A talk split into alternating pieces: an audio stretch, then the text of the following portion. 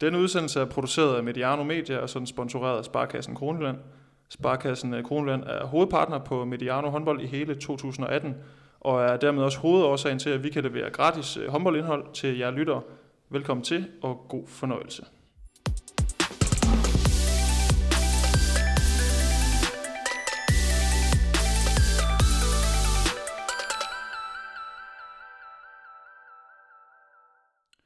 Velkommen indenfor hos øh, Mediano håndbold. Mit navn er Emil Halkjær. Jeg har i dag fornøjelsen af at sidde for bordenden til denne første udsendelse om den nye øh, sæson i Herreligaen.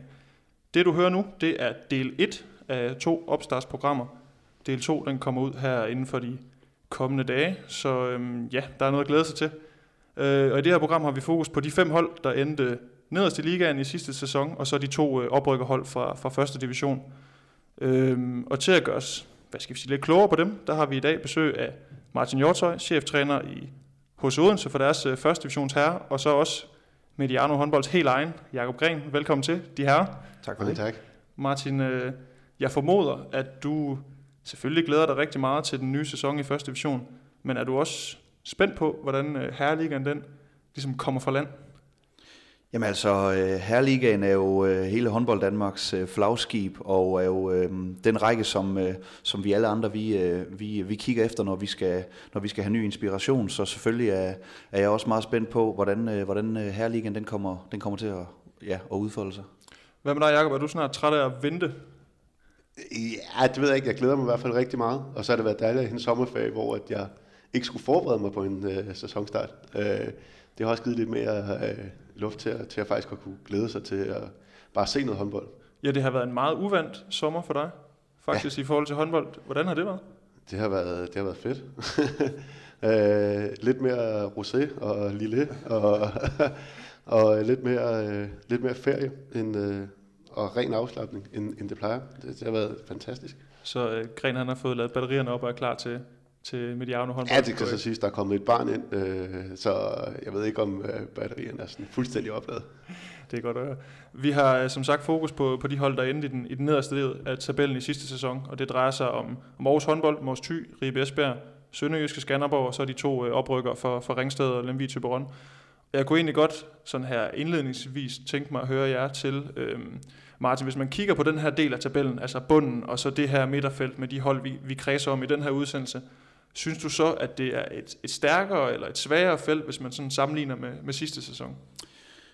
Det er jo svært sådan at, at være helt konkret på det, men altså, jeg synes, det er meget øh, sådan kendetegnende for, for den gruppe af hold, der ligger dernede, at der er mange hold, der skal starte forfra. Øh, mange hold har, har mistet mange spillere. KF øh, Kolding København har, ændret navn til KIF Kolding og er ved at lave et helt nyt projekt. Øh, Sønderjyske har mistet nogle af de spillere, der i nogle år øh, var, var bærende i, i deres trup. Ribe Esbjerg har lavet en stor udskiftning også. Øhm, så, så jeg synes, at, at det er meget kendetegnende for, for de hold, der ligger dernede, at der er mange, der ligesom skal starte forfra og er i gang med at skal bygge noget nyt op. Og det betyder jo, at øh, man har et, øh, et øh, fundament, der kan være skrøbeligt og også en smule porøst og, og gå ind til en, til en håndboldsæson på det. Og så selvfølgelig krydder med to oprykkere. Så sådan umiddelbart, så tror jeg, at jeg måske vil vurdere, at, at niveauet er, er måske lidt dårligere øh, i den halvdel, end den var, da vi startede sidste sæson med det øh, i mente, at mange er startet op, øh, startet op på ny. Jakob, er det også noget, der gør det her, Martin har inde på, at der er mange af holdene, der har haft stor udskiftning. Gør det det også svært at, at ligesom fornemme, jamen, hvor står de egentlig helle, den her gruppe af hold? Ja, det synes jeg. Når man kigger ned over, over navnene, så er det kun øh, Skanderborg, jeg sådan umiddelbart tænker, hvor jeg er ret sikker på, at, at de umiddelbart kommer til at øh, øh, være, være, være bedre, øh, stærkere i hvert fald på papiret end, øh, end sidste år.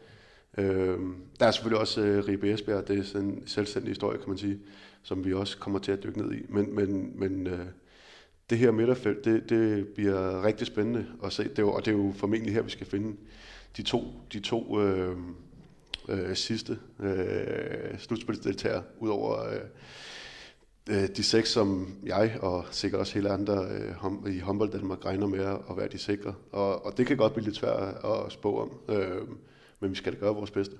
Inden vi dykker mere ned i sådan de enkelte hold, så kunne jeg godt tænke mig at høre til noget. Og den er måske lidt svær, men jeg synes, vi, vi prøver ad. Fordi når, når grundspillet er færdigt her engang øh, til foråret, er det så de samme syv hold, vi finder i den her del af tabellen? Altså er det igen Aarhus, Mors Thy, Ribe Esbjerg, Sønderjyske, Skanderborg, og så TMS Ringsted eller Vito Brøn, der ligger i det her felt. Hvad tænker du, Martin? Øh, jeg tror øh, på, øh, at øh, Ribe Esbjerg, de, selvom de fik en, kan man sige, en, en forholdsvis dårlig start ved at, at røge ud af, af pokalturneringen her forleden mod TTH Holstebro, så tror jeg på, at de over en, en hel sæson nok skal få, skal få sat noget sammen, der, der, kan, der, kan, bringe dem, der kan bringe dem i et slutspil. Øhm, og jeg har også øh, altid en fidus til, øh, til, at Aarhus håndbold de nok skal få, skal få klemt sig med. Men derudover så øh, den gruppehold, vi skal snakke om i dag, har jeg svært ved at se, øh, at de, øh, at de skal have mulighed for at komme i, komme i slutspillet. Jakob, er det også, øh, som Martin siger, er det Ribe Esbjerg hold, som man tænker, de, de kommer til at stige lidt i, i placeringerne i, i grundspillet? Ja, når vi, altså når vi kigger frem mod slutningen af sæsonen, så er jeg sikker på, at vi, vi, vi kommer til at snakke om en top 6 i dansk håndbold, og ikke en, øh, ikke en top 5 mere. Øhm, men som vi også vender tilbage til, så tror jeg også, de kommer til at få en lang indkøring, indkøringsperiode her i, øh, her i starten. Og ganske udmærket illustreret i går ved deres klare nederlag til, til Team Swiss. Og det her Ribe hold, det skal vi nok øh, komme omkring. Der er masser, masser at tale om. Øh, vi tager holdene sådan lidt, lidt af gangen, øh, og i den forbindelse, der er jeg nødt til at komme med en lille disclaimer, hvis man skal sige det sådan. Det er klart, der er nogle hold, der kommer til at fylde mere end andre. Øh, vi kan ikke altid lige fordele sol og vind lige, men øh, sæsonen er heldigvis meget lang, så vi skal nok nå omkring alle holdene øh, og fortælle om, hvad det er, de gør rigtigt. Men, øh, men det bliver ikke lige meget, hvad skal man sige, taletid til alle hold i den her udsendelse. Øh, men jeg synes, vi skal lægge ud med at vende blikket mod, øh, du nævnte dem også, Jakob Aarhus håndbold. Øh, jeg kan huske, vi sad for noget tid siden i solen på Assistens Kirkegården sammen med Simon Dahl og, og optog en, en udsendelse, hvor at, øh, du sagde, at det Aarhus manglede for ligesom at gøre sig gældende i slutspillet, Øh, det var simpelthen altså nogle, nogle bedre spillere og nogle flere profiler, der kunne gøre en afgørende forskel. Altså nu har man så en ny sæson, øh, man har holdt fast i nogle af de samme spillere. Tror du, det bliver sådan same old story med dem, at de kommer til at ligge sig i det her grænseland til top 8, men uden sådan at bokse særlig meget opad i tabellen? Ja, altså nu synes du, jeg var hård mod dem, øh, øh, mod Aarhus. Det synes jeg jo ikke. Altså jeg synes, øh, jeg synes faktisk, det er glimrende at, at have været et, slut, et fast slutspilshold de sidste de sidste sæsoner med, med, med det materiale, de har. Der er bare et, et stort hop op til, øh, op til de fem, måske nu seks bedste hold. Øh, så jeg synes ikke, man skal... Altså, jeg, jeg, det var ikke negativt ment, at, øh, at øh, de manglede bedre spillere. Øh, jeg synes bare, det, jeg synes egentlig, det er fint øh, og flot, at de er øh, efterhånden et selvskrevet øh, slutspilshold. Øh, så men, men, men for at svare på de spørgsmål, så tror jeg, at det bliver lidt øh, det samme igen med Aarhus. Øh, jeg er forholdsvis overbevist om, at de kommer i slutspillet, men jeg tror heller ikke på, at de når en semifinal. Martin, hvad tænker du om Aarhus håndbold? Er det et hold, der er kommet forstærket ind til den nye sæson, eller hvordan vurderer du sådan deres ageren i forhold til tilgange og, og dem, de har formået at holde på? Jamen altså, jeg synes jo, at øh, Aarhus er, er et af de hold, der, hvis man sådan ser på de sidste par sæsoner, jo har formået at lave noget kontinuitet i deres trup. De øh, har en, øh, en god stamme af spillere, der, øh, der nu har været, øh, har været med i, i et par sæsoner, og har så lavet øh, lidt, øh, lidt indskiftninger øh, til den kommende sæson, har også mistet lidt, men det er sådan typisk en ud for en ind, øh, men har en, en, en, en bred vifte af spillere, der, der har været sammen og kender til rutinerne og kender til måden at at agere på, og det tror jeg helt sikkert også er noget af det, der er med til at gøre, at de måske ikke, øh, som øh, Jakob også siger, er et hold med en masse profiler i ligaen, der kan topperforme, men det er trods alt et hold, der set over en hel sæson, øh, har så meget øh, kontinuitet, at de øh, kan samle nok point til at bringe sig i, øh, i, i slutspillet. Så jeg tror egentlig, at de, de står stillet sådan, sådan egentlig status quo til den kommende sæson i forhold til, til sidste sæson, og det tror jeg også, de står i forhold til deres mulighed for at komme i slutspillet. Ja, jeg ved, at du her i, i dine forberedelser til de her to udsendelser, vi skal lave i dag, har, har, har føler ude rigtig mange steder i, i ligaen, og du har også øh, fået lidt at vide i forhold til Aarhus, i hvert fald sådan rent defensivt, hvad man måske kan forvente sig af dem. Øh, hvad var det, du fik at vide der?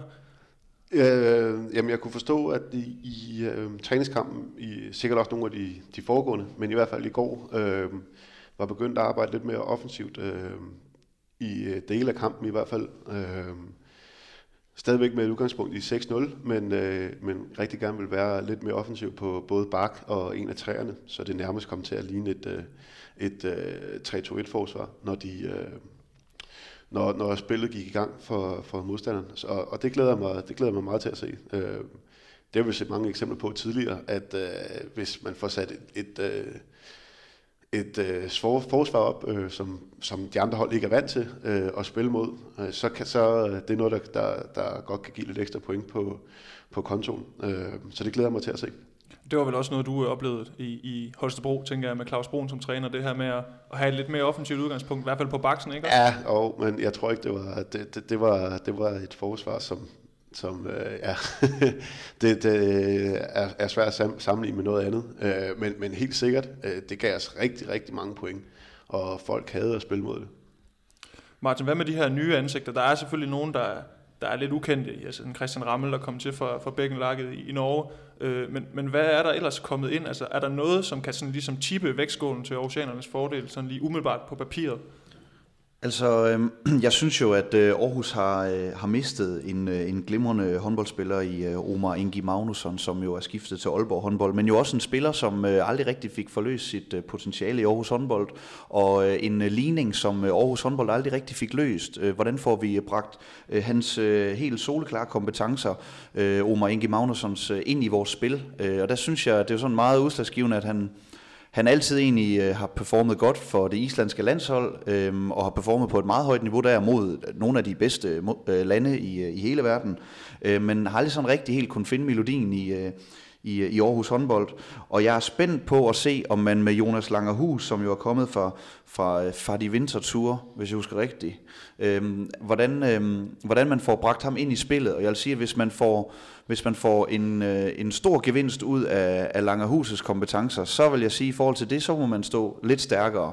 Øh, fordi at øh, i, i, den for, i sidste sæson, der var det egentlig mest øh, Anders Krav Martinussen, der sådan, jeg synes, spillede godt på den position er øh, Jonas Langerhus, er han en, en spiller, der har sådan lidt, øh, han har haft en, en lang skadeshistorik, er han en spiller, der måske har lidt, jeg ved ikke, om man skal kalde det x-faktor, men han kan godt være sådan lidt forudsigelig, uforudsigelig i sit spil. Er det, er det sådan en type, de måske har manglet på det her hold? Øh, altså, der, er, der er i hvert fald ingen tvivl om, at han i sin eksplosivitet og sin øh, eksplosive skudafvikling jo har noget x-faktor. Og jo har noget, som, øh, som Aarhus håndbolds bagspiller egentlig ellers ikke øh, rigtig har. Den her hurtige skudafvikling, øh, det meget øh, hårde skud øh, med en øh, ja, og høj eksplosivitet, det, det er da afgjort noget, som, øh, som jeg tror, han også har hentet til Aarhus for at, at give dem. Og øh, Omar, som jo så forlader holdet, at, at bliver han så en gevinst for Aalborg? Kan de måske øh, for, for, formå at få fundet nøglen til, hvordan man bruger ham, tænker du, Jacob? Det håber og tror jeg på. Altså nu er han jo også stadigvæk, øh, stadigvæk ung, og de, øh, nu har jeg også snakket lidt med dem op i, op i Aalborg, og øh, han er kommet rigtig, rigtig godt i gang derop og, øh, og lige nu umiddelbart en, en gevinst for dem. Øh, så jeg glæder mig til at se, øh, om han kan folde sig rigtig godt ud øh, folde sig ud derop. Øh, og nu stjæler jeg måske lidt øh, Martins pointe med, øh, med øh, Janus, øh, som han kommer til at spille sammen med derop, som vi så har snakket om inden, øh, inden programmet. Men, men det synes jeg er rigtig fint set, at, øh, at øh, han kommer op og spiller sammen med, med en, som han er vant til at spille sammen med fra det, fra det islandske landshold. Øh, og det er måske virkelig også det, der allerede har gjort, at han er faldet så godt til, fordi øh, det, det, det har han gjort øh, det, det, er gået, det er gået rigtig fint. Øh, I hvert fald det, jeg hører det op for. For at, ligesom at gå videre her fra Aarhus, så tænker jeg, at vi kan, vi kan skæve lidt mod, øh, mod Mors Thy. Øh, et hold, som, som lå og kæmpede med oceanerne om den her slutspilsbillet i sidste sæson. Øh, holdet fra, fra Bitte Balkan, som man ynder at kalde dem. Øh, og der er jo også blevet sagt farvel til i hvert fald et par markante profiler på det hold. Altså en Kasper Larsen i buret ryger til BSV, øh, Henrik Tilsted skal til, til GOG, øh, Nikolaj Jensen skal hjem til Skive. Øh, Martin, når man sådan sidder og, at vurdere på det her Mors hold. Altså, får de en svær sæson næste år, tænker du? Så hvis, øh, hvis det hedder sig at komme i slutspillet, så, øh, så får Mors Thy en, øh, en svær sæson. Jeg tror da, de får, får svært ved at, og, øh, og, komme, øh, og ja, kvalificere sig til slutspillet.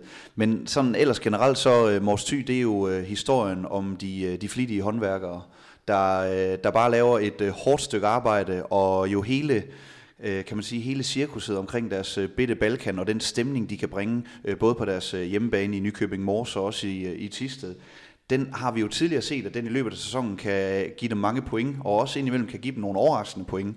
Så jeg er overbevist om, at Mors Thy skal nok øh, få samlet en, øh, en god portion point i løbet af sæsonen på deres hårde arbejde og, og deres øh, ja, generelle arbejdsomhed, øh, og deres også øh, sådan øh, coolness i forhold til at tro på, at øh, det produkt, de har, det er, det er godt nok, selvom det ikke er vrimler med store profiler i, i ligaen, så har de et, øh, et, et godt hold, og øh, et hold, der vil arbejde for sagen, og afgjort også jo en, ja, en hjemmebane, der, der helt sikkert kan, kan bringe dem point igen.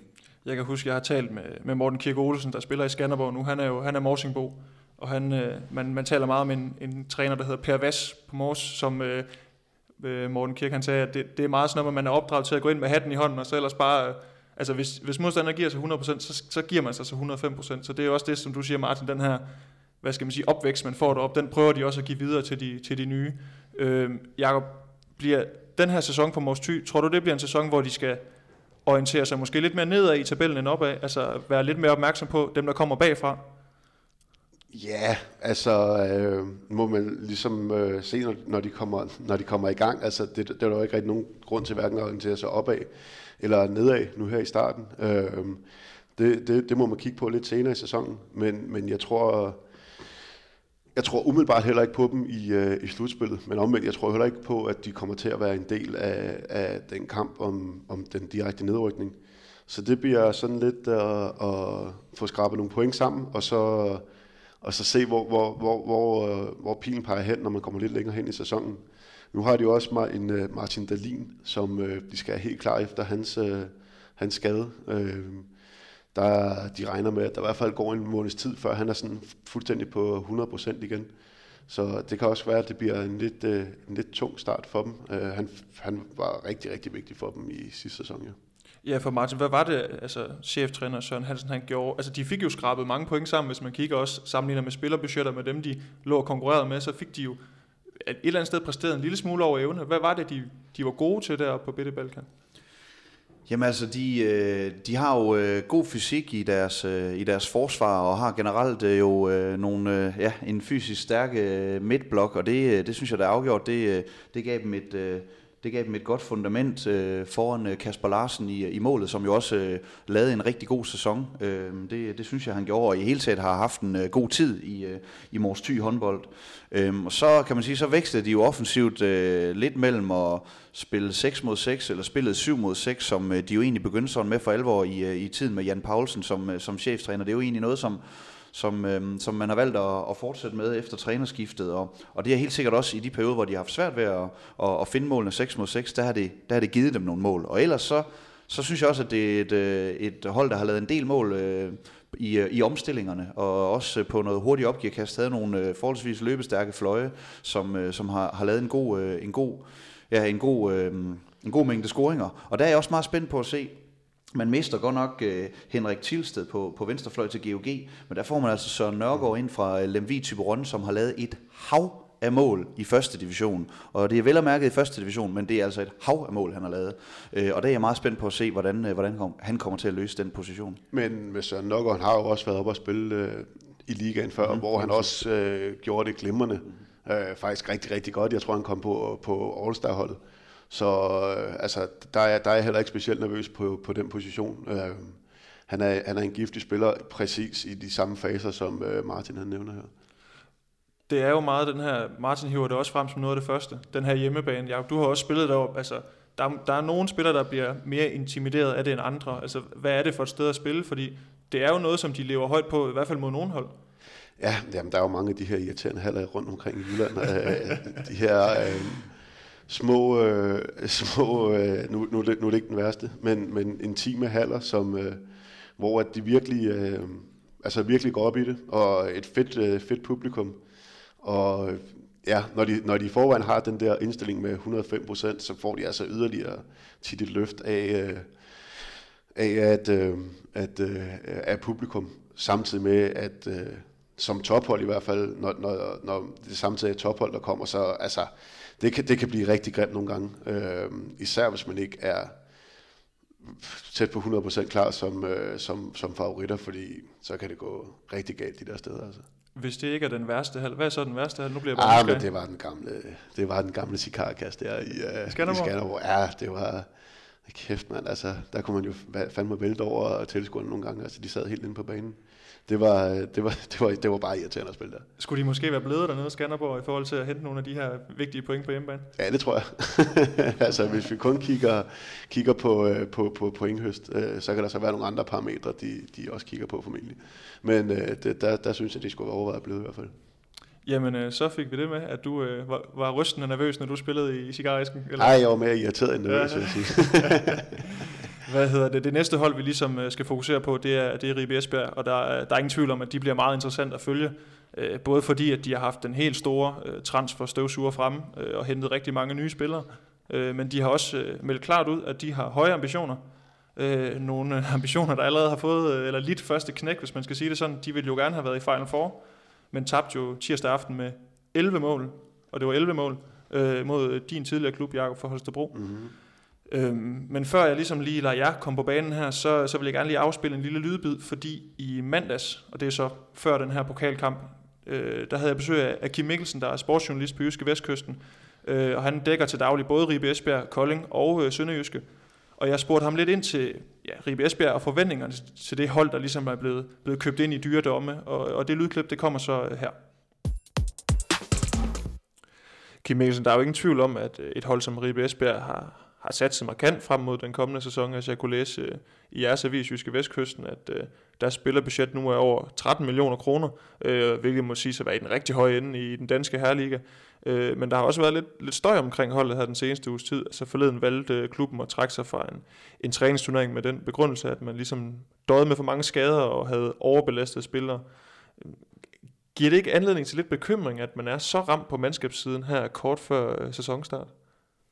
Jo, det er i hvert fald overraskende, at man bliver nødt til at, at skuffe andre klubber, øh, der havde regnet med at skulle møde dem i en træningsturnering og, og skulle bruge det som forberedelse så tæt på sæsonstart. Det, det lyder lidt mærkeligt, men, men selvfølgelig, det, vi ved jo ikke, hvis man melder ud, at spillerne er skadet eller ikke kan holde til det, så er det jo selvfølgelig sådan, det er. Øhm, og den forklaring må vi jo naturligvis godtage. Øh, men øh, når det nu er sådan, jo, så er det da stærkt bekymrende, og nu skal vi lige sige, at talende stund har de jo en pokalkamp øh, i morgen, og, og den vil jo så være spillet, når, når det her bliver bragt. Men, øh, men øh, der kan de da hurtigt ryge ud af pokalturneringen, og så, øh, så er en af målsætningerne jo kigset, fordi de vil jo gerne i Final Four igen. Øh, de vil også gerne spille med om medaljer hvert år, og så vil de øh, kvalificere sig til europæisk håndbold. Så, øh, så det er da i hvert fald øh, en sæson, hvor det bliver en udfordring for dem. Både at få spillet øh, 11-12 nye spillere ind på holdet, og så, øh, og så få folk tilbage fra skader, og så i øvrigt leve op til målsætningerne. Der er jo hentet, øh, der er hentet nogle store navne ind. En, øh, en Søren Rasmussen, en, en Nikolaj Pedersen og en, en Rune Carlsen, øh, bare lige for at nævne et par stykker. Og som du selv siger, altså, de har jo den her øh, rimelig markante målsætning. Øh, hvor seriøs en konkurrent til hold som, altså vi kan nævne Skjern, BSV, GOG, øh, Aalborg, TTH, altså ser du, ser du dem være på nuværende tidspunkt, altså hvor står de i forhold til de hold? Altså, jeg vil da sige, at jeg vil da, jeg vil da ønske for, for spændingen i den danske liga, at, at Ribe Esbjerg kan blive en meget, meget seriøs konkurrent til, til de allerbedste. Øh, jeg tænker, at med så mange nye spillere, på et hold, der vel i forvejen var nyt og har brugt en sæson på at, at finde sig selv, jamen så og igen 11-12 nye spillere, så, så tror jeg, at grundspillet simpelthen kommer til at, at handle om at, at få spillet holdet sammen, og at folk skal finde deres roller øh, på holdet og deres plads i hierarkiet. Og jeg, jeg tror ikke på Ribe Esbjerg som et tophold i grundspillet. Jeg tror ikke, vi kommer til at se dem blive nummer 1, 2, 3, 4 i grundspillet. Jeg tror, de skal øh, koncentrere sig om at få spillet holdet sammen og komme med i slutspillet. Og jeg tror også, de kommer med i slutspillet. Og så må vi se, når slutspillet starter, hvor, hvor langt er de nået med deres arbejde, og hvor konkurrencedygtige er det. Fordi så kan det godt være, at de kan slå øh, de bedste hold som, som skjern i, i en enkelt kamp. Men, men kan de også gøre det, når vi kommer i slutspillet? Det, det er jeg lidt mere spændt på. Og som du siger, de har jo hentet mange spillere ind. Bliver det ikke svært at holde alle spillere tilfredse? Altså jeg tænker, der er jo mange spillere, der kommer til med en ambition om at bidrage. Altså kan det ikke, øh, kan det ikke være svært at holde alle tilfredse, når man henter så mange ind? Det er jo en, det er jo en bred trup, selvom at de har døjet med skader og lidt overbelastninger. Jeg tror ikke bare, det bliver svært. Jeg tror, det bliver umuligt. Øh, der var allerede, øh, allerede, hvis vi går tilbage til i vinter, jamen der var der jo sådan lidt ulmende øh, utilfredshed, fordi der var nogle spillere, der ikke rigtig vidste, hvad, hvad er det lige, der foregår i den her klub, og man henter spillere ind, og man, man taler om, nu skal vi have den forstærkning og den forstærkning. Øh, det er jo nogle meget øh, offensive og også forfriskende udmeldinger fra, fra, fra Johnny Nim, der jo er storsponsor og, og lægger de her mange millioner i klubben. Men, men det er jo også med til at skabe utryghed for de spillere, der er i klubben. Og nu må man bare sige igen, at man henter flere ind, end man skiller sig af med. Øh, så jeg tror det, jeg, altså man har jo, man har jo rigtig mange spillere, man har jo, man har jo ikke bare gardering, man har jo nærmest tre spillere næsten på hver position, og der tror jeg, der kommer nogen til at stå øh, i løbet af sæsonen og tænke, nå, det var ikke lige, øh, det var ikke lige mig, der var god nok, eller mig, der kunne bruges her. Og det, det tror jeg vil skabe nogle udfordringer for træner Lars Valder allerede i den her sæson, i løbet af sæsonen.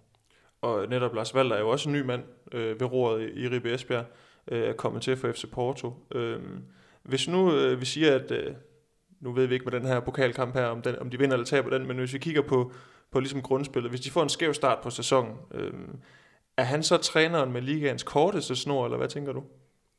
Altså umiddelbart så, så virker Ribe Esbjerg nok til at være den klub øh, i den danske liga, hvor, hvor forventningerne er så høje, at, øh, at så kan snoren heller ikke være særlig lang, og, og det har også vist sig at være et vanskeligt sted at være træner. Øh, nu er det så Lars Valder, der får muligheden, og, og han kommer til efter, efter mange år i udlandet, og, og det kan godt være, at det giver ham en fordel, at, at, at han har oplevet lidt af hvert, og også været nogle steder, hvor, hvor, hvor han nok også øh, har, har været udfordret på, på mandskabsbehandlingen. Det, det, det kunne jeg godt måske se som en fordel for ham, fordi han kommer helt klart til at skal bruge meget øh, energi på at finde balancen på det her hold. Både balancen på, øh, hvem, hvem skal besætte de her positioner, når vi spiller, men også balancen i, i truppen. Hvordan holder en truppen tilfreds? Fordi det, det bliver en kæmpe udfordring. Hvordan taler man øh, sådan lokalt i, i Ribe og i Esbjerg-området omkring den her store oprustning? Fordi det, som du siger, Johnny Nimp, han, han melder markant ud. Han har markante holdninger, og han har store visioner for den her klub. Altså, er byen og lokalsamfundet ligesom indstillet på den her hurtige acceleration mod toppen af ligaen, eller, eller hvordan forholder man sig til det sådan rent øh, lokalt? Jamen, der er rigtig store forventninger øh, lokalt, og det, det er jo naturligt, der er det, fordi når, når især øh, Johnny Nim melder meget offensivt ud, vi har skrevet forskellige historier i, i Jyske Vestkysten om øh, Johnny Nims øh, store ambitioner, og han skal også have store ambitioner, klubben skal have store ambitioner med et budget nu på over 13 millioner, altså de er måske endda øh, tæt på at være førende i, i dansk håndbold øh, nu øh, på den økonomiske front, så, så skal der jo være store ambitioner. Men det er jo klart også, når man, når man melder store ambitioner ud, og når man melder ud, at man henter spillere fra øverste hylde, jamen så er det klart, at så vil forventningerne i omverdenen også blive store. Hvis de så ikke kan leve op til forventningerne, så vil, så vil presset på, på klubben og på træner Lars Valder jo selvfølgelig også blive, blive, øh, blive tilsvarende stort. Fordi øh, der, der er godt nok øh, meldt offensivt ud. Altså, og så synes jeg også lige, man skal huske på, at at når man siger, man henter spillere fra øverste hylde, altså det ved jeg ikke lige, hvad, hvad det er for en butik, man har været inde i der, fordi jeg kan, ikke, øh, jeg kan ikke se, at det er øverste hylde, man har hentet fra. Man har hentet rigtig dygtige spillere, ingen tvivl om det. Men altså, Søren Rasmussen, øh, jeg tror han er 41 år nu, der kommer til målmand fra BSV, er altså, selvfølgelig et rigtig stort navn, men han skal også øh, gøre det rigtig godt i Ribe Esbjerg. Så er der Nikolaj Pedersen, der er kommet til fra Nordsjælland, som øh, KF Kolding jo gerne ville have haft, men øh, Ribe Esbjerg snuppede ham. Han kommer også til at gøre det rigtig godt, og er en rigtig dygtig spiller. Men altså, øverste hylde, det kan jeg ikke se. Det er jo nogle andre klubber, der har hentet de spillere. Ja, og i den her lydbyd, der er Kim Mikkelsen lidt inde på det her med, at, øh, at de kunne miste, eller misse første del af målsætningen med et pokalexit, og det gjorde de jo som sagt øh, her tirsdag aften. Jakob, øh, det øh, Ribe Esbjerg nederlag, det havde du jo et eller andet sted forudset, eller du havde i hvert fald øh, ligesom tænkt, at den tog TTH Holstebro. Hvorfor, hvorfor tænkte du det? Jamen, nu har vi jo allerede snakket en del om kontinuitet, øh, og det her med, at Ribe, de skal have det er, jo ikke, det er jo ikke kun på stort set hele spillertruppen, der, der er blevet øh, ændret fuldstændig. Det er jo også øh, ude på trænerbænken. Så der er rigtig, rigtig mange ting, som, som de skal, som de skal have, have styr på. Det får du ikke på en, øh, på en, øh, på en opstart. Øh, og TTH er jo en stort set modsatte situation, hvor de har øh, mere eller mindre den start, samme starttyr, måske på nær, eller på nær inden i, inden i målet. Så jeg havde ikke forudset det valg med 11. Det, det, det, det vil jeg gerne indrømme. Men, øh, men, men jeg var ret overbevist om, at de ville, de ville tage den. Og, øh, Og øh, det gjorde de så også, ret sikkert. Men er det her et Ribe Esbjerg hold, altså nu har de melder de her markante ting ud, altså har, du har, det lyder som om du har lidt forbehold i forhold til, om de kommer til at indfri det.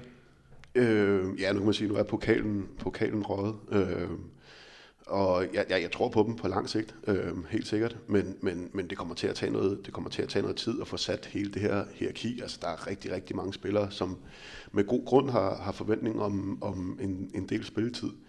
Øh, og hvordan, hvordan skal det sættes sammen, og hvordan øh, de her relationer øh, mellem spillerne, de, de skal, dem skal de også til at finde. Øh, og det kan godt komme til at tage rigtig mange måneder.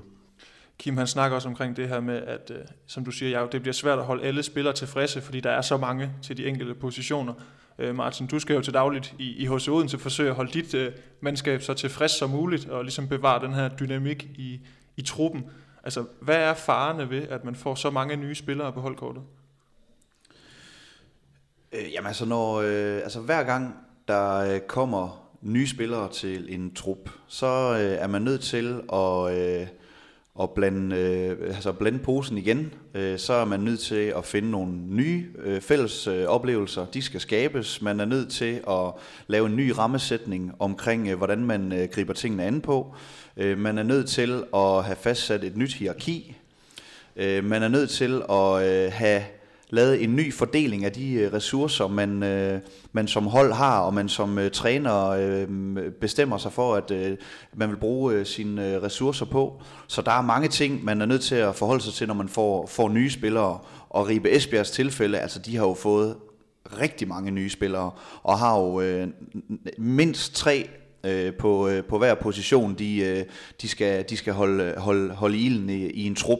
Og det er trods alt øh, nogen flere, øh, heldigvis for det, end jeg, øh, end jeg, skal, jeg skal holde ilden i Odense. Men altså, kæmpe opgaver venter for, øh, for truppen og øh, også for trænerteamet.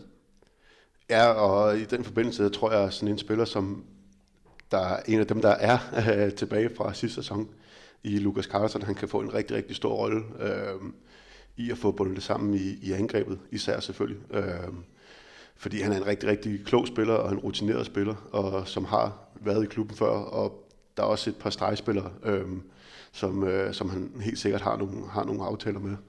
Øh, så han, han tror jeg, øh, det ville jeg i hvert fald gøre, hvis, hvis det var mig, der var, der var øh, Lars Vald, der ville, ville bruge ham øh, rigtig meget, især her i, i øh, start, i opstarten her. Øh, til at, at få sat, uh, sat angrebsspillet. Jakob, hvad sker der, hvis vi nu siger, at, at Lars Valder og trænerteamet ikke formår at løse den her opgave med at holde så mange tilfredse som muligt, at man får nogle spillere, som befinder sig et sted, hvor de, altså de, de får ikke indfriet de forventninger, de havde til opholdet i Ribe Esbjerg.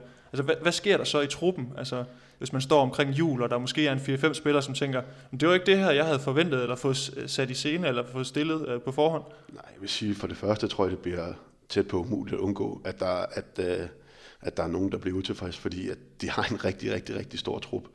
Øh, og igen, det store problem, som jeg ser det, ved at hente så mange nye spillere, øh, på det stort set samme niveau, er, at, at hierarkiet er fuldstændig oppe i luften lige nu. Eller hierarkiet i hvert fald... Øh, øh, hvem, hvem der får, får spilletid, og hvor meget spilletid man får. Øh, så det bliver, det, bliver, det bliver en stor opgave for, for Lars. En ting er ja, det, der foregår på banen, men lige så meget øh, ja, at, at holde, holde de spillere, som måske ikke får så meget spilletid, til, øh, til den. Og de har altså ikke så mange minutter at gøre og dele ud af, og slet ikke, når de også er ude af pokalen. Nå, for det var også noget, jeg havde tænkt mig at spørge dig ind til. Vi, vi snakkede også lidt om det, inden vi gik på. Øh, nu kan vi så tage den nu. Det her med øh, måske kigge tilbage på dengang, du spillede i AG. Der kom der også mange nye spillere til, men som du sagde til mig, jamen øh, når man hentede Mikkel Hansen, så var han ikke i tvivl om, at det var ham, der var etter, og det var de andre heller ikke. Er det det, som du siger, der er, den, der er det store problem, at, eller kan blive det store problem, at der er ikke de her klart definerede roller på forhånd? Ja, ja, ja igen, altså det, det er det er rigtig mange nye spillere, som kommer med en forventning om, øh, om spilletid, øh, stort set alle sammen. Øhm, så så det, det, det, det, der, der venter en stor opgave, og der, der skal han virkelig få, få trådt i karakter, øh, Lars Valter. Noget af det, som Kim Mikkelsen også er inde på, øh, det er det her med, at man har meldt ud, at man har hentet spillere fra øverste hylde, Martin. Øh, der var Kim sådan lidt, han vidste ikke lige, hvad det var for et supermarked, de havde handlet ind i, i forhold til øverste hylde. Er, er du enig med Kim der, at øh, det er, svært at, er det svært at få øje på, hvilke af de spillere, der egentlig er hentet til for øverste hylde, eller hvad tænker du? Jamen altså, jeg tænker også, der er jo stor forskel på at snakke om øh, spillere fra øverste hylde øh, nationalt og øh, spillere fra øverste hylde internationalt. Altså, jeg synes, at øh, Søren Rasmussen, øh, målmanden, som de har hentet i Bjergenbro Silkeborg, det er i hvert fald nationalt en spiller fra, Øh, fra, fra øverste hylde, og det viser alle hans statistikker også fra, fra de senere sæsoner. Øh, Runa Karlsson, øh, den islandske højreback, som øh, de har hentet i Hannover Burgdorf, det synes jeg også øh, er en spiller, man kan tillade sig at, at sige at være, øh, være fra øverste hylde. Det er trods alt en spiller, der, der har spillet øh, ja, 80 øh, landskampe for, for det islandske landshold, og en spiller, der kommer med en, en stor erfaring fra, øh, fra Bundesligaen. Øhm, så så det, det synes jeg også er en spiller øh, fra øverste hylde. Så kan man sige, øh, Jakob Heinel, som... Øh, hentet til som stregspiller for SG Flensburg Handewitt, har godt nok haft en øh, periode nu, hvor han har været meget ramt af skader, men er også en spiller, der har øh, en kæmpemæssig erfaring fra den bedste række i, øh, i verden, og derfor så, så synes jeg også godt, man kan tillade sig at sige, at øh, det er en spiller for øverste hylde. Men når vi så går derfra, så er det jo også, altså det er jo en øh, ung højre bak, øh, Simon Schønningsen, er kun 22 år, de har hentet i Barlingen. Det er, øh, det er ellers sådan nogle unge, øh, fremadstormende øh, spillere. Herman Vildalen, venstrebakke, også kun 22 år, øh, hentet i Drammen i Norge.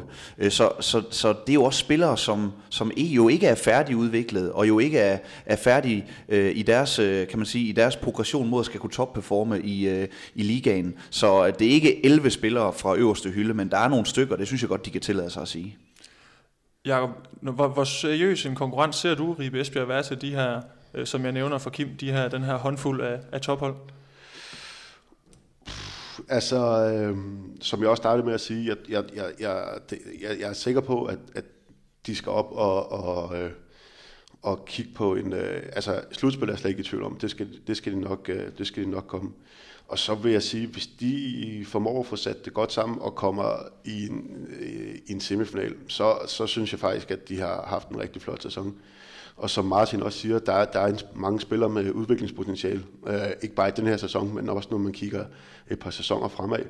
Øh, at man så har hentet dem alle sammen på én gang, det, det, øh, det, bliver, det, bliver, det bliver svært at få sat ordentligt sammen her første sæson måske, men, men, men så når vi kigger frem mod næste sæson måske, så har de den her sæson, hvor de har, hvor de har, øh, har, har fået, spillet de, få, fået øh, sat det her hierarki og så når vi kigger ud over den sæson, kan det blive rigtig spændende. Men i år, der tror jeg, der, der, der synes jeg, de gør det rigtig flot, hvis de kommer i en semifinal. Og jeg synes det er værd selvfølgelig at bemærke, at når man henter så mange nye spillere ind, som Ribe Esbjerg de har gjort, det tager lang tid, inden man finder nogle fælles automatismer. Det tager lang tid, inden man som gruppe har fælles oplevelser nok. Øh, det tager lang tid, inden man øh, får skabt et fundament. Øh, Jakob problematiseret det her hierarki, øh, ja, sådan her hierarkidebat, som jo skal på plads i, i enhver gruppe. Pokalkamp mod TTH Holstebro, det var deres værste værst mulige start at få som gruppe. En øh, kamp mod et af de øh, bedste hold i, øh, i Danmark, og også en øh, knald- eller faldkamp. Det havde været meget bedre for dem bare at kunne øh, komme i gang med, med grundspillet i, øh, i ligaen, for der kommer, det kommer til at tage lang tid, inden der er fundet et fundament. Og indtil da, der vil man opleve deres øh, præstationer helt sikkert vil være svingende, og, og, og den base, de har, og, øh, den vil være meget porøs og, og meget usikker.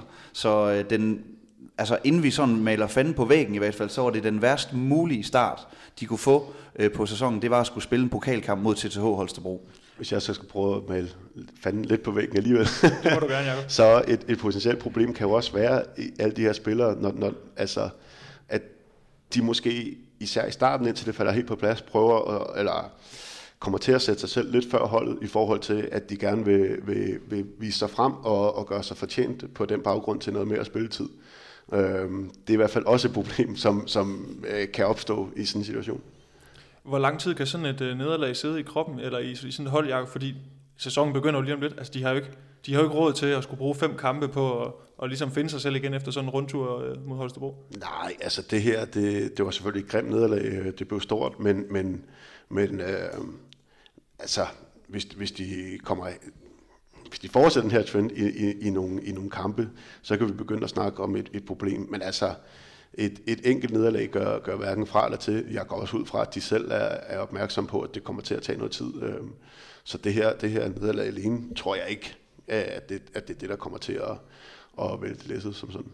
Du har jo også, øh, som jeg har nævnt tidligere, haft lidt følere ude i dit netværk i, i miljøet. Øhm, også i forhold til at spå lidt om, men hvad er det, vi kommer til at se fra dem, sådan rent spillemæssigt?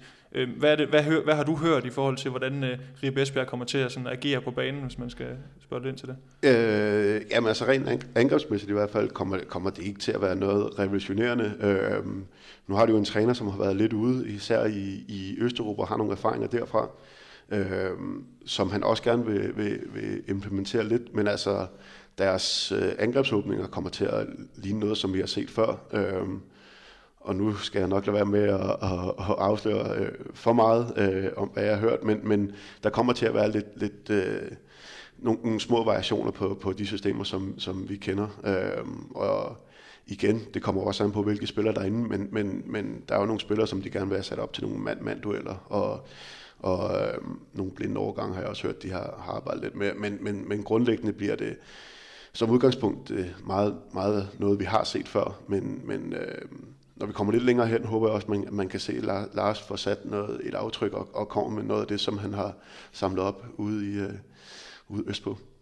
Der er mange øh, ubekendte, Martin, i forhold til det her Ribe Esbjerg hold. En, en ekstra ubekendt i den her øh, lange ligning af ubekendte, det er jo også en Nikolaj Enderleit, som har, har været ude med, med en hjernerystelse. Øh, rigtig, rigtig tragisk, men kunne jeg læse Jyske Vestkysten på vej tilbage også. Øh, hvad, hvad vil det give dem at få sådan en type som ham ind? Det er jo øh, altså, en ung venstrehåndet spiller, stor fysik, der kan, der kan løbe begge veje. Det må give et eller andet, tænker jeg. Jamen altså, først og fremmest så må det jo give øh, trænerteamet endnu flere, de skal tilfredsstille, hvis, øh, hvis han pludselig også melder sin ankomst.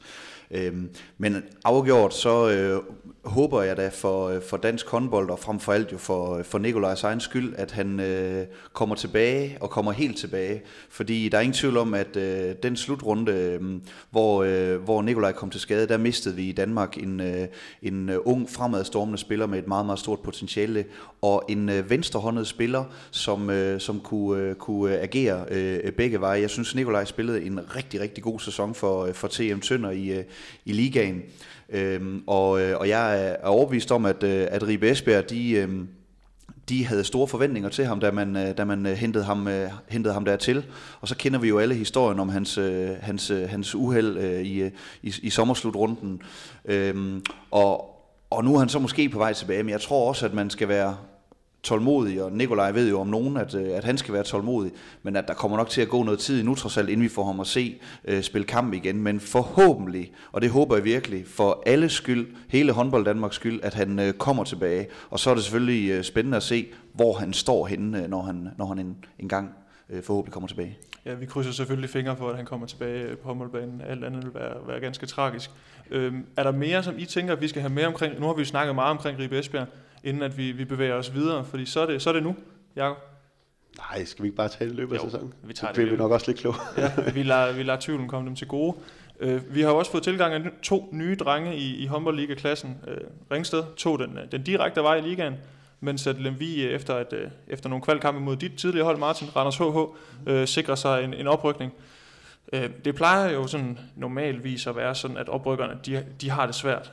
Uh, Tror I, at det bliver et billede, der gentager sig i år, Jacob? Ja, helt sikkert. Altså, nu har vi snakket om den her øh, gruppe af, af midterhold, som, som skal ligge og, og kigge lidt mod øh, slutspilspladserne. Øh, der ser jeg altså de her to, som, som er tanden, tanden svære, og succeskriteriet for begge, begge de klubber må være at undgå den direkte nedrykning. Men tror du, det bliver blandt de to, at vi skal finde den der direkte nedrykker? Ja, det er jeg fuldstændig overbevist om. Okay.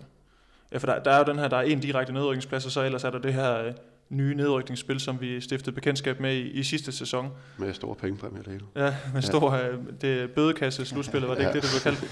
Øh, men, men Martin, Jacob, er, du, er du på linje med Jakob her? Det bliver blandt de to, vi skal finde øh, den 14. og sidste Ja, der, der synes jeg, at Jakob har en god pointe. Det må være de to, der skal, der skal krydse klinger om at, om at undgå øh, en tilbagevend til første division.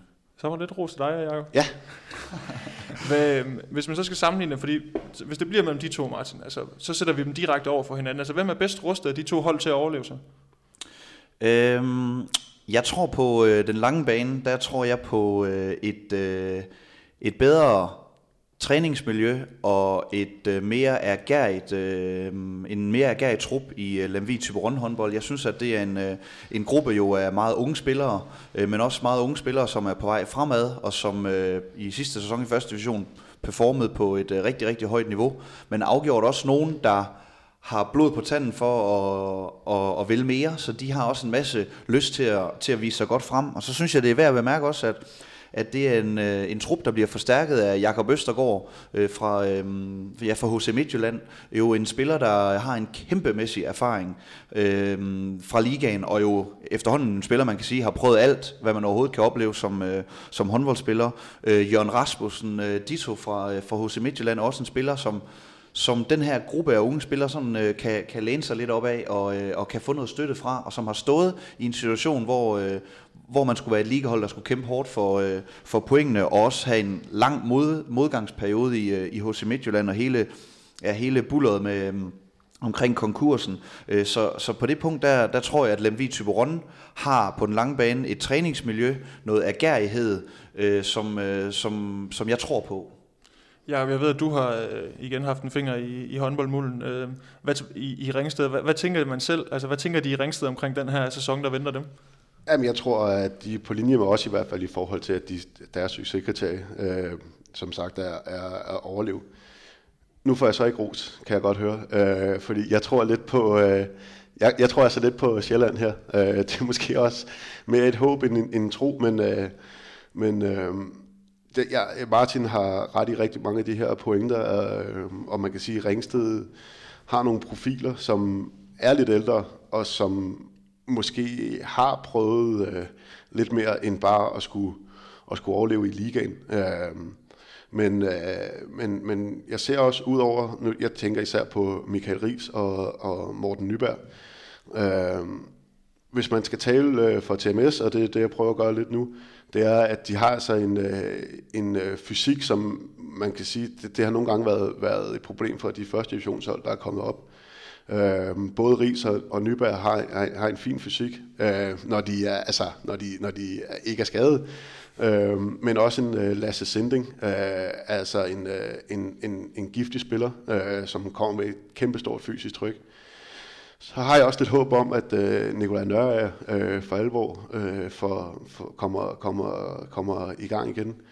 Øh, og så kommer det selvfølgelig til at blive rigtig afgørende, de her indbyrdes opgør. Men hvis både Ries og Nyberg er, er klar i de her, i de her kamp, så tror jeg alligevel, det kan, det kan tage nok til, at, at, øh, at det vil over til Ringsteds fordel. Så jeg, jeg, jeg tipper faktisk, at Lemvig tager den, øh, tager den direkte nedrykningsplads. Så er der lidt uenighed, men ja. det, er også, det er også fint nok. Det er øh, ja. Der er jo også, øh, som jeg sagde, det her nedrykningsspil. Jamen, jeg, jeg har også, også en hel masse forbehold for mit bud. Men, men primært, det er primært, at, øh, at, at, at, at, at Nyberg og Michael Ries øh, er mere på banen end, end uden for banen, og det er et stort forbehold selvfølgelig. Og vi kan jo også vende den om, altså nu snakker jeg jo om den øh, forholdsvis unge øh, trup i Lemvi med agerigheden og gå på moden og øh, det gode træningsmiljø. Altså man kan også vende om og sige, at TMS Ringsted, de har nogle øh, match-afgørende spillere, ja. og nogle spillere, der på dagen bare kan top-performe og måske kan øh, performe på et højere niveau, end, øh, end, øh, end Lemvis profiler kan.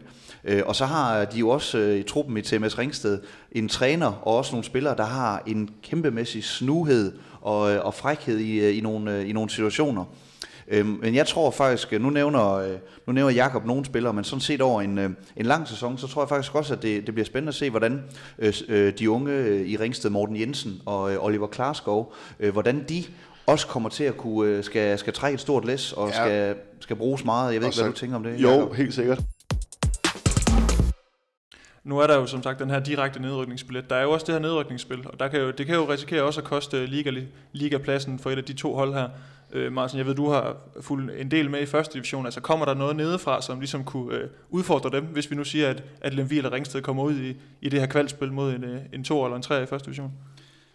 Det er godt nok tidligt at, øh, at skulle kunne øh, svare på det, men altså, jeg, altså sådan set over en, øh, en lang sæson, så tænker jeg, at øh, de hold, der, der, kommer, der kommer til at klare sig bedst i første division, øh, kommer med mange sejre i bagagen, øh, kommer med afgjort et stort momentum øh, og masser af positive vinde i, i deres retning. De vil afgjort kunne, øh, kunne, øh, kunne konkurrere mod, øh, mod den anden sidste i, øh, i håndboldligaen, og også øh, mod øh, Lemvi Tyberon håndbold eller TMS Ringsted, hvis vores, øh, hvis vores øh, teorier de, de holder stik. Øh, fordi der er så meget i at have momentum, og der er så meget øh, i at have vundet mange kampe over en hel sæson. Vi må formode, at dem, som øh, playoff-holdet for første division skal møde fra, øh, fra håndboldligaen, at det er jo et hold, der har tabt mange kampe. Og så øh, synes jeg, at vi skal vende blikket mod, øh, mod Sønderjyske. Øh, og jeg har igen haft fat i Kim Mikkelsen fra Jyske Vestkysten, et, øh, et hold, han har fulgt, øh, fulgt rigtig tæt. Øh, jeg synes lige, vi skal høre, hvad han sagde om øh, Sønderjyderne. Kim Mikkelsen, hvordan er øh, mavefornemmelsen i Sønderborg, når de ligesom kigger frem mod sæsonstarten? Altså, sidst, øh, eller hvad skal man sige, de sidste fem sæsoner, der har det været sådan lidt bølgende i Sønderjylland. For fem sæsoner siden fik man så en femteplads, men, men derfra har det, som jeg, som jeg sagde, været lidt, øh, lidt op og ned. Altså, øhm, har, har man fået samlet et hold, der ligesom kan, har den pondus til at være konkurrencedygtig i forhold til slutspillet, eller, eller hvad tænker du om, om Sønderjyske frem mod den, den kommende sæson? Altså jeg tænker først og fremmest, at, at det er et hold, der selvfølgelig igen skal spille med om at komme med i slutspillet. Øh, Sønderjyske er, som du selv nævner, den der berømte femteplads, som var en stor bedrift fra deres side. Dengang der håbede de jo nok lidt, at de kunne bide sig fast til i hvert fald at være fast deltager i slutspillet. Og, og det har jo vist sig, at, at det har været meget vanskeligt for dem. Der, der har jo været længe imellem. Og de står i hvert fald i den situation, at, at hvis ikke de kommer med i slutspillet i år, så, så bliver det jo sådan lidt et hold, man ikke rigtig kan tro på længere som et, som et, som et slutspilshold. Altså, det er som om, at fortællingen omkring klubben har brug for, at de kommer med i slutspillet for at skabe noget, noget fornyet begejstring og noget fornyet gejst omkring tingene. Og, og ja, de har holdet til det, men det har de på linje med, med i hvert fald en håndfuld andre hold. Der er vel en 5-6 hold, som måske skal kæmpe om, om, om tre pladser i, i, i slutspillet. Ikke? Så, så det, men det kan lige så godt blive Sønderjyske, som det kan blive øh, Kolding for eksempel. Altså det, jeg rangerer dem lidt deromkring, og jeg synes, at det, de har et fornuftigt hold, uden de helt store stjerner. Hvad er det, der har været udfordring for dem de sidste par sæsoner? Hvad har de manglet for at kunne komme tilbage og lave sådan en, en femteplads, som de lavede for fem sæsoner siden? Jamen, der er flere ting i det, men, øh, men man kan sige, hvis man peger på nogle enkelte ting, så kan man også sige, at, øh, at de har haft lidt udfordringer på, på målmandsposten. Øh, nu har de garderet sig i år ved at, ved at hente Henrik Nordland og en svensk målmand fra, fra den spanske liga. Øh, så de har faktisk tre målmænd, så har de øh, Thorsten Fris og Christian Pedersen, og Thorsten Fris har jo haft problemer med jernrystelse, og Christian Pedersen har også fået en, en skidt start i klubben på grund af skader, så, så nu har de sådan prøvet at dække sig ind der, fordi de skal have flere redninger. Så har de også øh, hentet eksempelvis Rasmus Bertelsen til forsvaret, ham har de hentet i Ribe Esbjerg. De, så satser de på et stort forsvar, så, så de, de vil gerne have nogle flere redninger og nogle, nogle øh, et stærkere forsvar, og så skal vi måske til at se dem mere som et kontrahold, end vi har været vant til. Og, øh, og det, det er der, de vil prøve at forandre sig lidt. De har også været lidt ramt af, at, at bærende spillere som Claus Kjeldgaard og Simon Christiansen, der nu begge har stoppet karrieren, at de har altså de har været rigtig meget skadet mod slutningen af deres karriere, og, og det er jo selvfølgelig et problem for en klub af den størrelse, når to af deres øh, bærende spillere øh, ikke er en del af holdet. Jeg har rigtig mange øh, bekendte i, i Sønderborg og omegn, og når jeg kommer dernede, så kan jeg sådan fornemme, og det de siger, det er, at der er en, der er en stor lokal opbakning til den her klub her. Og øh, alle tal viser jo også, at der kommer rigtig, rigtig mange tilskuere til deres hjemmekampe i Skansen. Altså, fornemmer du, at man lokalt er ved at være lidt utålmodig, eller hvad er sådan status? Altså, hvordan ser Sønderjyderne det her herlige hold? Altså, man må i hvert fald øh, rose deres, øh, deres publikum for at, at blive ved med at bakke dem op, selvom det ikke lige er gået, som de havde håbet på, fordi det er jo stadigvæk øh, den klub, der er bedømt på antal pladser i hallen, har, har den højeste belægning øh, af tilskuere. Så, så de nyder jo en stor opbakning øh, ved et trofast publikum, men der er der ingen tvivl om, at, at hvis ikke, hvis ikke de kommer i det mindste meget tæt på en plads i slutspillet, jamen så, så bliver det jo lidt svært at, at blive ved med at sidde og være begejstret over, at man spiller om, om 10. eller 11. pladsen i grundspillet. Det, det, det nytter jo ikke noget i længden, fordi man har den historik, som, som for Sønderjyskes vedkommende er meget flot med de her slutspilsdeltagelser, jamen så er det jo også det, man, man gerne vil, og, og man bruger jo også en del øh, penge på, på spillere i, i der er i hvert fald berettiger til, det er jo ikke fordi, man har det største budget i Danmark, men det berettiger der til at, at komme med i slutspillet, så, så jeg synes godt, man kan, man kan sige, at de skylder en, og den skal komme i, i den her sæson. Ja, og tak til Kim Mikkelsen fra Jyske Vestkysten. Øh, Gren og, og Martin, hvis man kigger på det her sønderjyske hold, øh, Kim han, han snakker lidt omkring det her med, at man har sukket efter at, at være en fast bestanddel af, af slutspillet. Øh, ser I det som et hold, der er konkurrencedygtigt i forhold til en slutspilsplads? Øh, ikke, øh, altså, nu har vi snakket om, at, at det, det er et ret tæt felt, det her øh, midterfelt, og det, det er ikke, det er ikke, der er ikke stor kvalitetsforskel på dem. Men det er ikke øh, nogen af dem, jeg ser som, som jeg tror på, øh, går i slutspillet. Øh, det kan til gengæld være fint for dem, at, øh, at få startet noget øh, lidt øh, nyt op øh, efter Kjeldgaard og, og Simon, som er, som er, som er, som er stoppet. Øh, men som stadigvæk har fyldt meget. Øh, og jeg ved selv, øh, nu har jeg selv prøvet de sidste par sæsoner, at være en, som skulle fylde meget på et hold, men ikke har kun, øh, men ikke har overhovedet kunne, kunne spille. Øh, det giver altså, nu har vi også snakket meget om hierarki og sådan, altså hvis nogle af dem, der skal ligge højt i hierarkiet, ikke rigtig kan spille, så giver det lidt noget, øh, det giver lidt noget råd, så det, det, det er måske meget godt at få startet noget nyt op, øh, uden, øh, uden de her to, selvom øh, nu, nu, det lyder meget hårdt, fordi de har, de har betydet meget for Sønderjyske, men, men ligesom at kunne, øh, ja, igen få bygget nyt hierarki op med, med nogle folk, som kan, faktisk kan spille. Martin, tror du også, at Sønderjyderne det bliver den her bløde mellemvarer, som ikke rigtig kommer til at bokse op af, heller ikke til at bokse ned af, men de lander der, hvor de har landet de sidste par sæsoner? Øh, umiddelbart så, øh, så må mit svar blive ja. Altså, jeg synes, i indledningen der, der nævnte jeg det her med, at jeg synes, at den gruppe, vi taler om øh, her i første del, der er mange, der skal starte op på, øh, på forhånd. Nu, øh, nu nævner, øh, eller starte op igen på ny. Nu nævner Jakob både Simon Christiansen og, og Claus Kjeldgaard, der stopper. Øh, men det er også et sønderjyske hold, der, der mister øh, Mathias Tynel og Adam Nyfjeld, som jo også er et par svensker, der øh, har, øh, har haft en, en stor betydning for, øh, for sønderjyskes øh, mandskab i et par sæsoner nu. Så det er jo også et hold, der på vigtige positioner skal, skal starte op forfra. Og derfor så, øh, så tror jeg da, at, øh, at de, øh, det kommer også til at tage noget tid, inden de rammer, rammer det niveau, de, de gerne vil. Og, og derfor så, så, må det, så må det blive sådan rent positionsmæssigt en, en placering, som, som i sidste sæson. Det tror jeg på. Nu må du rette mig, hvis jeg tager fejl, Jacob, men jeg forestiller mig, at der hviler et, et ret stort pres på en spiller som Chris Jørgensen i forhold til at få det her til at fungere. Altså, hvor, hvor, hvor vigtig er han for, at de kan ligesom gøre sig gældende? Jo, men det, det, det, det tror jeg, du har ret i. Øhm, jeg ved at også, at Arne Mensing har, har været tiltænkt en rigtig stor rolle i år, som han sluttede også rigtig flot af i sidste sæson.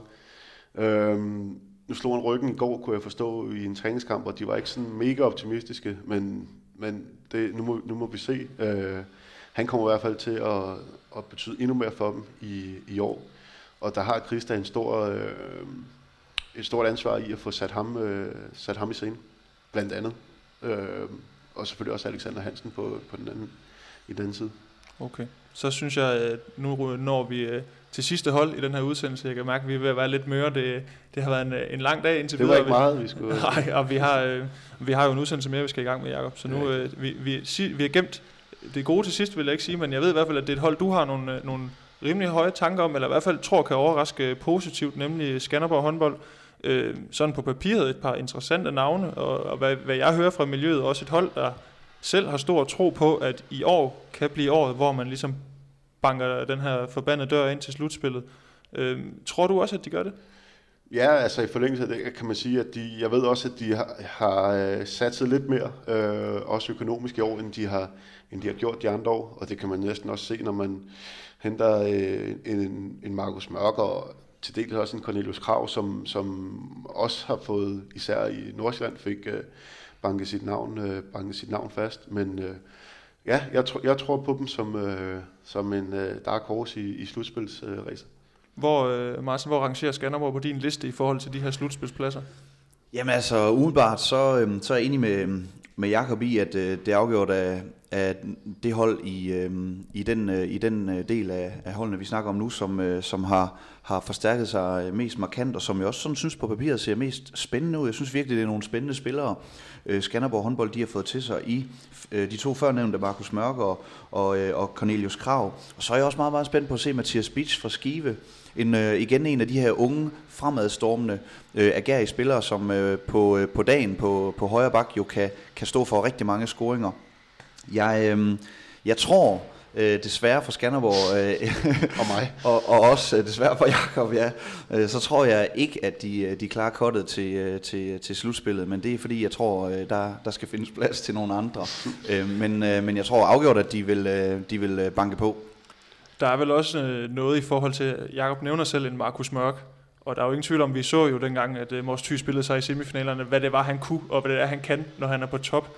Nu har han så været i, i Frankrig et par år og spillet øh, lidt i den næstbedste række, øh, men han har jo en lang skadeshistorik, Jacob, og du, du kender jo også det her med at, at, at løbe ind i nogle skader, så det, det, det er vel også lidt usikkert, hvad han ligesom kommer med. Det er det, og øh, igen har jeg bygget, bygget min, hvad hedder det, mit, mit tip op på, på en måske lidt porøs spiller. Men øh, han er kommet rigtig, rigtig godt i gang derop, øh, ved jeg. Øh, og jeg synes også, det er et rigtig godt cast til, til den måde, Skanderborg øh, spiller på. Øh, rigtig hurtigt. Der kan jeg til gengæld godt være øh, lidt bekymret for en, øh, især en Mathias Spitz, hvordan han, han passer ind i det op.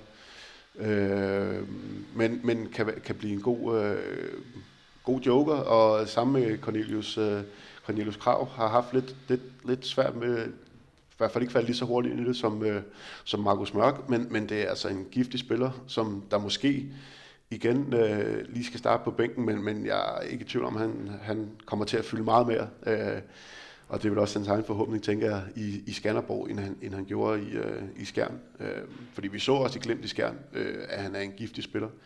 Så en øh, Markus Mørk i fuld vi gør, og en Cornelius Krav med noget mere spilletid, så, så ser jeg dem som en god bejler.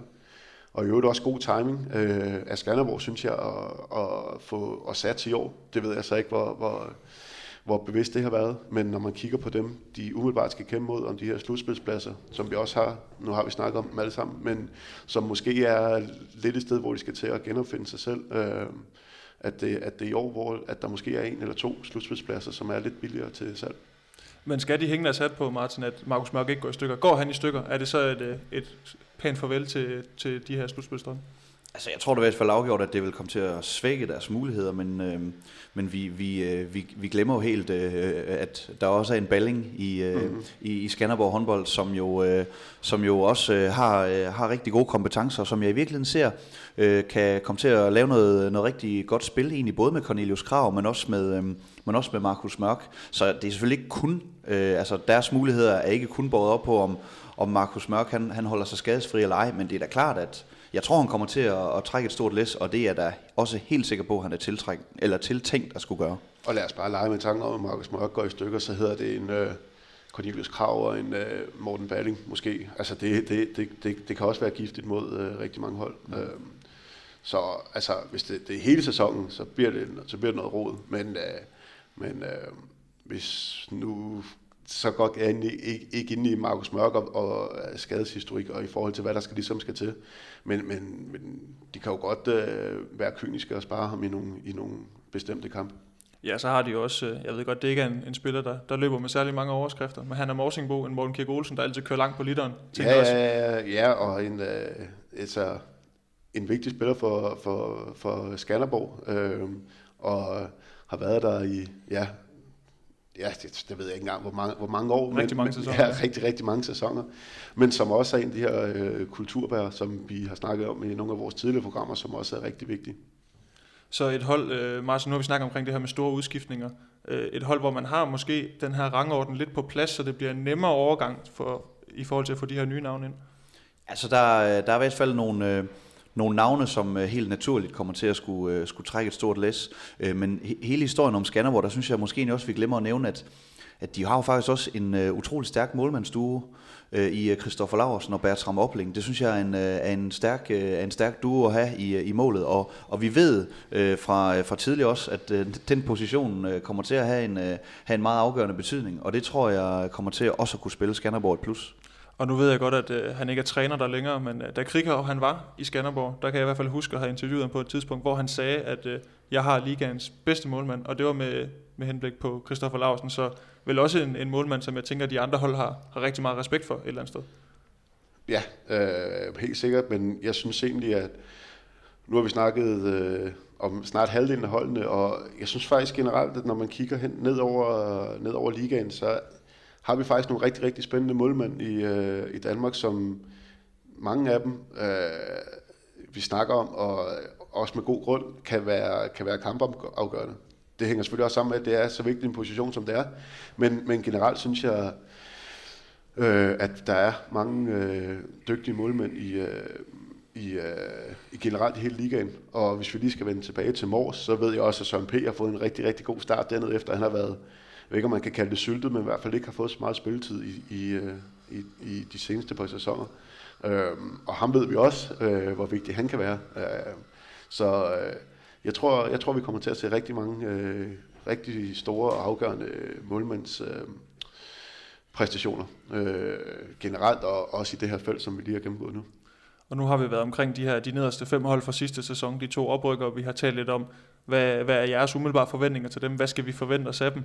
Øhm, inden at vi lukker ned for den her udsendelse, så kunne jeg godt tænke mig at høre til, altså det her felt af hold, vi har snakket om nu, er der nogen, altså navne, nogle spillere, som I glæder jer særlig meget til at se? Er der nogen, som man kan sige, ham, han kunne godt gå hen og ligesom slå igennem på håndboldliganiveau i år? Jeg ved ikke, øh, nu blev det sådan lidt øh, uforberedt, at lige fik den, men Martin, er der nogen, du ligesom i forhold til det, du, du har forberedt her, mm. tænker, han bliver spændende? Nu har vi lige øh, snakket om øh, Skanderborg håndbold. Jeg glæder mig rigtig meget til at se Markus Mørk øh, tilbage i, øh, i ligaen. Jeg synes jo, han i sin tid øh, i, i Mors jo var, var fremragende, og, øh, og fedt, hvis, øh, hvis han kunne, øh, kunne finde noget af det øh, frem igen. En spiller, jeg også øh, håber på og kommer til at se fuldt gøre øh, i Sønderjyske, det er Rasmus Bertelsen. Jeg synes, øh, Rasmus, han, øh, før han blev skadet, øh, var en af de bedste forsvarsspillere, vi, øh, vi, vi havde i ligaen, og, og det er jeg spændt på at se, om han, øh, om han kan... Øh, ja, om han kan finde tilbage til, øh, til det høje niveau. Og så er der ingen tvivl om, at øh, så er der også sådan, men det er ikke sådan specifikt en spiller, men jeg er da spændt på at se, hvordan og hvor hurtigt øh, Ribe Esbjerg de får, får samlet øh, den her kæmpemæssige nye gruppe. Jeg er spændt på, øh, hvordan øh, projektet fra KIF Kolding København til KIF Kolding med en ny administration og ny ledelse, øh, mange nye spillere, hvordan de også får, får, sammensat, øh, får sammensat deres trup.